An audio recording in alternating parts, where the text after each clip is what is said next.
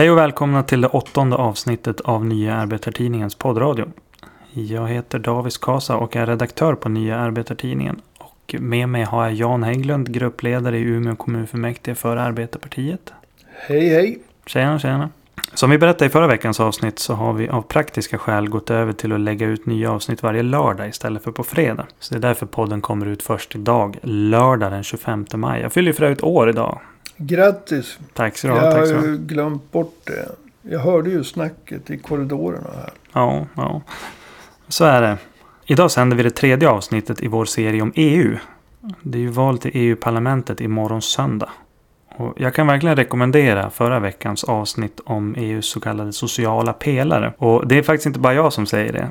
Utan vi fick ett samtal från en person som arbetar på SVT eh, häromveckan. Som ansåg att det var ett väldigt intressant avsnitt med en väldigt bra sammanfattning av vad den här sociala pelaren är och vad den inte är. Så att när du har lyssnat klart på det här så tycker jag du ska lyssna på förra avsnittet också. Så du använder det av SVT för att göra reklam för oss? Är det Jajamän. så? Ska jag förstå det så? Jajamän. Det är ganska fräckt gjort. Jo. Jag gillar det. Mm. Temat idag handlar om EUs militära upprustning.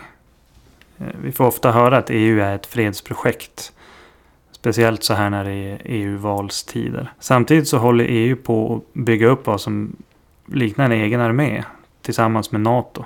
Som, som kallas för eurokåren. Och i och med det så kallade Lissabonfördraget, det som i folkmun brukar kallas för EUs grundlag, så är EU-länderna förpliktigade att hjälpa ett medlemsland som utsätts för ett väpnat angrepp. Och det finns också andra saker där EU har fördjupat samarbetet kring försvarspolitiken. Och det här är ju frågor som nästan aldrig diskuteras i Sverige. Men vi har tänkt att lyfta fram några av dem här idag. Och jag tänkte börja med den här eurokåren.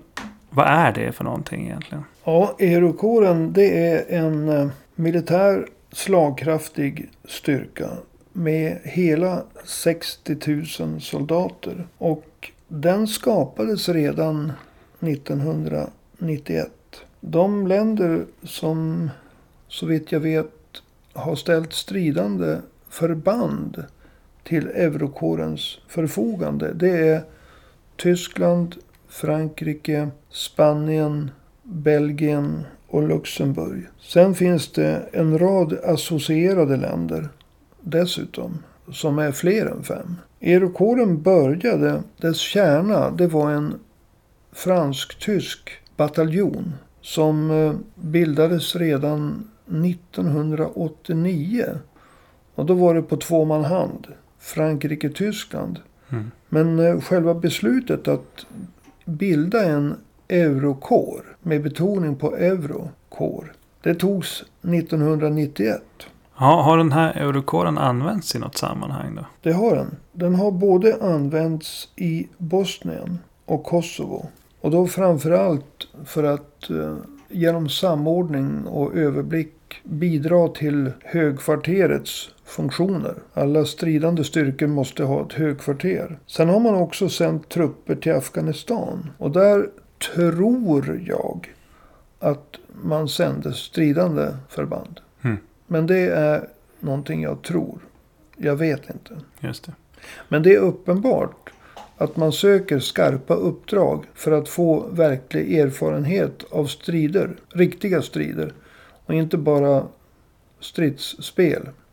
Mm. Vilka länder är det som ingår i det här? Ja, som jag sa, de som har ställt stridande förband till, eller förband till eh, eurokåren. Det är alltså först och främst Frankrike och Tyskland. Det är kärnan. Och sen har det tillkommit Spanien, Belgien och Luxemburg. Sen finns det en rad associerade stater. Och de kommer och går. Så jag tycker vi hoppar över dem idag.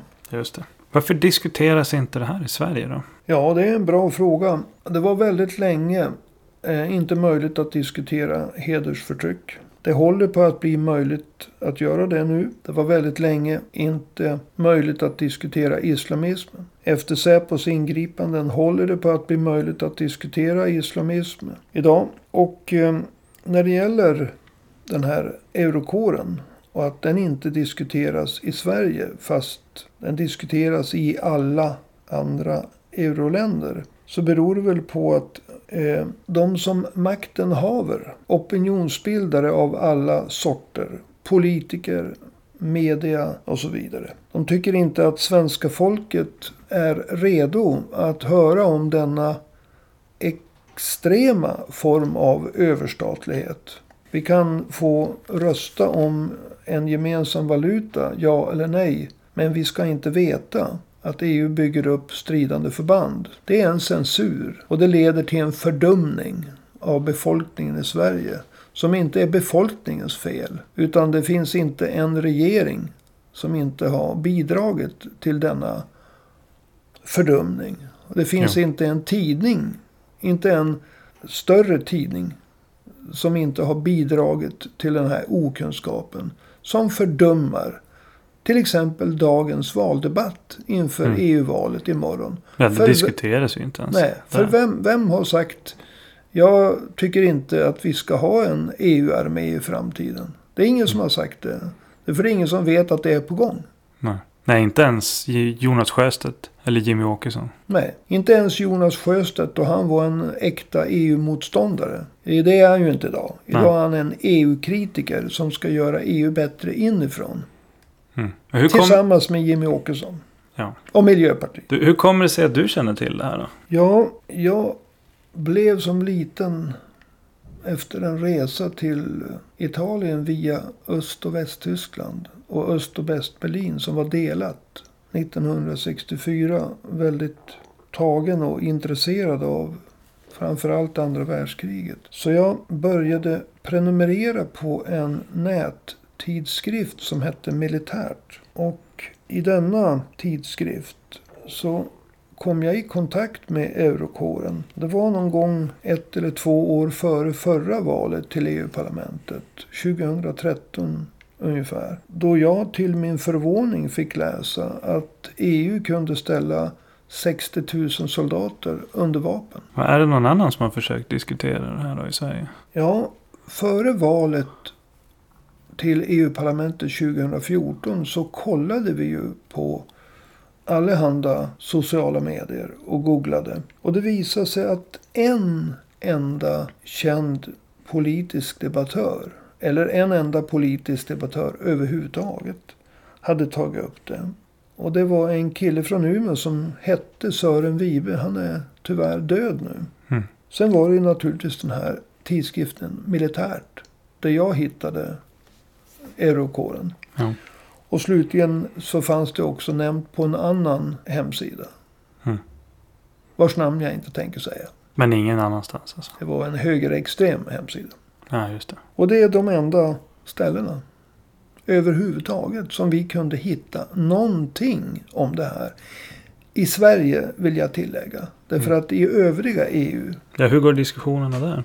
Ja, där diskuterar man ju det här väldigt mycket. Och sen lång tid tillbaka. Sverige är ju som vanligt höll jag på att säga, när det gäller kontroversiella frågor. Eh, inte i framkant, utan snarast, eh, om man ska tala i militära termer, inte avantgardet, utan eh, vad heter det, de som går längst bak? Arriärgardet. Arriärgardet, ja.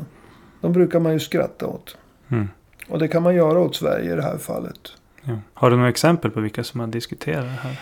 Ja, så det finns ju häpnadsväckande uttalanden EU-kommissionens ordförande, en av de tyngsta i hela EU-konstruktionen, eh, Prodi. Han var EU-kommission EU-kommissionens ordförande fram till 2004. Han ville ju att EU skulle öppet deklarera att målet var en framtida EU-armé. Mm. Det räckte inte med 60 000 soldater, mm. tyckte han, utan en EU-armé. Och då skulle ju naturligtvis alla EU-länder bidra med stridande förband. Det ligger mm. i sakens natur. När man pratar ja, om en EU-armé. Inte precis. bara fem som idag. Ännu tyngre var ju när Angela Merkel år 2007 sa att hon ansåg att Europa, EU, borde röra sig mot en EU-armé. Mm. Sen kom det ju en lite granna smolk i bägaren när det gäller hela EUs utveckling i samband med den ekonomiska krisen 2007, 2008 och så vidare. Så det stod still. Men jag kommer ihåg att Tyskland fick en ny försvarsminister, en kristdemokrat, Ursula von der Leyen. Och hon, när hon hade varit installerad som tysk försvarsminister, hon var försvarsminister tror jag. Så då sa hon att målet om gemensamma väpnade styrkor för Europa, för EU, står kvar. Mm, just det. hon bekräftade liksom den riktningen. Ja, precis. Vi rör oss vidare från eurokåren till det här Lissabonfördraget, EUs grundlag. I den så är ju EU-länderna förpliktigade att hjälpa ett annat medlemsland som utsätts för ett väpnat angrepp. Men vad är kärnan när det gäller försvarspolitiken i det här Lissabonfördraget? Alltså kärnan i Lissabonfördraget. Som man brukar kalla för EUs grundlag. Den är ju att man ska utarbeta en gemensam framtida utrikes och säkerhetspolitik. Och det är ju en, ett väldigt långt gående och för oss som håller ögonen på EU mycket, mycket markant uttryck för överstatlighet. Jo. Därför att en eh, självständig utrikes och säkerhetspolitik, om vi tittar på svensk historia, har ju varit honnörsord Mm. i stort sett hur länge som helst. Men en gemensam utrikes och säkerhetspolitik, det är ett väldigt långtgående åtagande.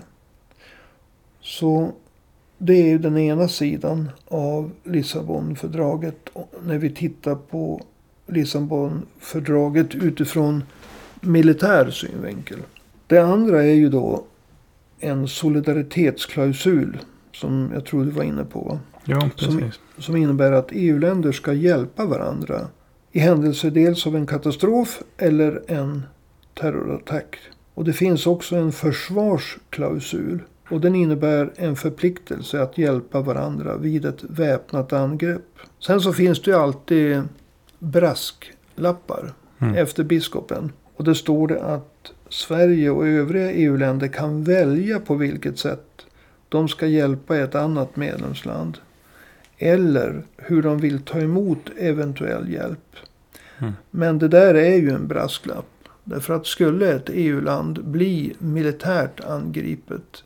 Så tror inte jag att det här valet eh, finns någon re, reell... Det finns ingen reell valsituation. Utan Nej, blir man attackerat. Blir ett EU-land attackerat av militärt. Mm. Av, av ett icke-EU-land. Så kommer naturligtvis eurokåren att sättas in. Man vore ju rent korkad om man trodde, trodde något annat. Mm. Så i praktiken, om man lägger ihop de här sakerna. Att det finns en eurokår på 60 000 soldater. Mm. Som söker erfarenhet i Bosnien, Kosovo, Afghanistan. Och kanske andra ställen som jag inte känner till. Och sen så har vi ett, eh, en gemensam, en strävan till en gemensam utrikes och säkerhetspolitik. Och vi har den här solidaritetsklausulen. Att hjälpa varandra vid katastrofer, terrorattacker och invasioner. Plus, det kan man ju tillägga, att man ska ha en sorts gemensam utrikesminister för EU. Då har vi alla eh, komponenterna i en försvarsallians. Mm. Även om man inte har tagit ett formellt beslut. Mm. Det är med den här försvarsalliansen som med Sveriges deltagande i EU. Vi är med, i, jag menar i NATO, ursäkta Mm. mig. Vi är med i alla NATOs övningar. Anpassa gradbeteckningarna enligt NATO. Språket, kommandoorden, vapnen enligt NATO. Men vi är absolut inte med i NATO. Nej, och EU är absolut ingen försvarsallians. Nej, precis. Eh, det går ju vidare det här arbetet med att försöka bilda eller skapa en sorts gemensamt försvar inom EU. Eh, ett förslag som ligger på bordet nu som eh, också inte såklart diskuteras i Sverige. Det är att man vill inrätta en europeisk försvarsfond. Kan du säga något om det? Ja, jag tänker ju direkt på den här EU-skatten som diskuteras. Därför att den här försvarsfonden, det handlar inte om små pengar. Och enligt ett pressmeddelande som skickades ut 2017 från EU. Så skulle från och med 2020 de sammanlagda kostnaderna för forskning och utveckling av vapen och inköp av vapen uppgå till 1,5 miljarder euro. Och det är ju 15 miljarder kronor. Och den här summan skulle börja rulla eh, från och med 2020. Och det är nästa år. Nu ändras ju alltid tidtabeller hit och dit. Men 15 miljarder från och med 2020 varje år. Det är inte småpotatis. Och tittar man i det här pressmeddelandet hur de ser framtiden så kan det komma att bli ja, över 50 miljarder per år Mhm. i perspektiv. Men vad innehåller den här försvarsfonden? Och vad är syftet med den? Det är två syften. För det första ska den finansiera forskning på det militära området. Och eh, det handlar om elektronik, krypterad programvara, robotteknik. Förutom forskning så handlar det om utveckling och inköp av vapen. Mm. Det, det är en hel del av att man ska försöka samordna. Alltså olika länder har olika vapensystem. Mm. Så att det finns i själva utvecklingen och inköp. Så finns det både en mängdsida och att man anpassar vapensystemen till varandra. Ja, precis. Om man ser framåt. Man köper in samma vapensystem till alla Samma länder. vapensystem. Ja. För att lägga grunden till en EU-armé. Mm. Det är ju häpnadsväckande att det här inte diskuteras i Sverige. Ja, det är ju rent ut sagt efterblivet. Ja. Som så mycket annat när det gäller svensk EU-debatt. Man sitter ju nästan och blir upprörd över att saker som solidaritetsklausulen, gemensam utrikes och säkerhetspolitik, en eh, sorts utrikesminister och nu den här försvarsfonden. Alltså helheten av det här. Mm. Att det inte diskuteras. Det är ofattbart. Och Ja. det beror på. Det beror alltså att inte något parti och att inte stora medier tar upp det. Mm. Och det är ju knappt så att små alternativa medier tar upp det. Nej, Eller? precis. Det lyser med sin frånvaro. Det är ofattbart. Och det fördummar debatten. Ja, verkligen. Den borde nästan ogiltigt förklaras. Valet imorgon på grund av fördumning. Ja, nu finns det ju ingen sån klausul i den svenska Nej, eh, grundlagen. fördumningsklausulen. Ja, det borde införas tycker jag. Ja. Sverige har ju även deltagit i en rad NATO-övningar på sistone. Hur är relationen mellan Eurokåren och NATO? Ja, det finns ju ett väldigt intressant uttalande från en tidigare finsk ÖB som har samma efternamn som jag. Han heter Gustav Hägglund. Och han, han hade den uppfattningen att Eurokåren borde ses i ljuset av NATOs behov. Donald Trump har ju på sin rundresa i Europa 2017 tror jag påpekat att de europeiska länderna, EU-länderna, inte lever upp till att de ska betala 2% av sin BNP, tror jag, Mm. till NATO. Något sånt var det. Ja. Och eh, Gustav Hägglund, den här före detta finska ÖBn, han tyckte att det passade bra att eh, samordna framväxten av en starkare EU-kår som har riktning till en EU-armé med NATO. För NATO, som är ju en amerikansk företeelse i allt väsentligt, Mm. de förflyttar en hel del av sitt intresse till Stilla havsområdet. På grund av Kinas växande ekonomiska, militära, utrikespolitiska styrka. Mm. Och deras tomrum behöver fyllas. Och eh, Finlands försvarsminister sa i Washington 2007 att eh, EUs ökade satsning på militära förmågor är bland det mest intressanta och viktiga som sker. Och eh, detta sagt mot bakgrund av Finlands ökade intresse för NATO. Därför att både Finland och NATO samövar ju väldigt mycket med, med NATO. Så Finland och Sverige tänkte jag. Eh, förlåt. Finland och Sverige samövar ju väldigt mycket med NATO. Mm. Och det är ju bara en underskrift som hindrar att Sverige är en formell medlem i NATO. Ja, så framväxten av en EU-armé. Kraven från USA att EU-länderna ska betala sin andel av NATO. Det går, det, man ser hur det flyter samman med vad den här finske före detta överbefälhavaren han såg alltså eurokåren, den ökade militära styrkan där, i ljuset av behoven av NATO. Just alltså det. NATOs behov. Mm. Så jag ser att de här, de här sakerna, eurokåren, en framtida EU-armé och NATOs behov av att lätta på sina satsningar i Europa. Men ändå att samarbeta. Mm. De glider ihop. Ja, och det är ju ingen tillfällighet att det språk man övar på inom eurokåren varken är franska eller tyska utan engelska. Mm. Ja, för att samordnas med NATO. Ja, det går i alla fall att göra det väldigt enkelt. Ja. Ser du någon koppling mellan det här och alltså utvecklingen av ett sorts EU-försvar och den övriga utvecklingen inom EU? Alltså om man säger riktningen, färdriktningen för EU-projektet? Ja, man borde ju, man måste ju vara blind om man inte ser den överstatliga riktning som EU som helhet rör sig i. Vi har ju Emmanuel Macron, Frankrikes president.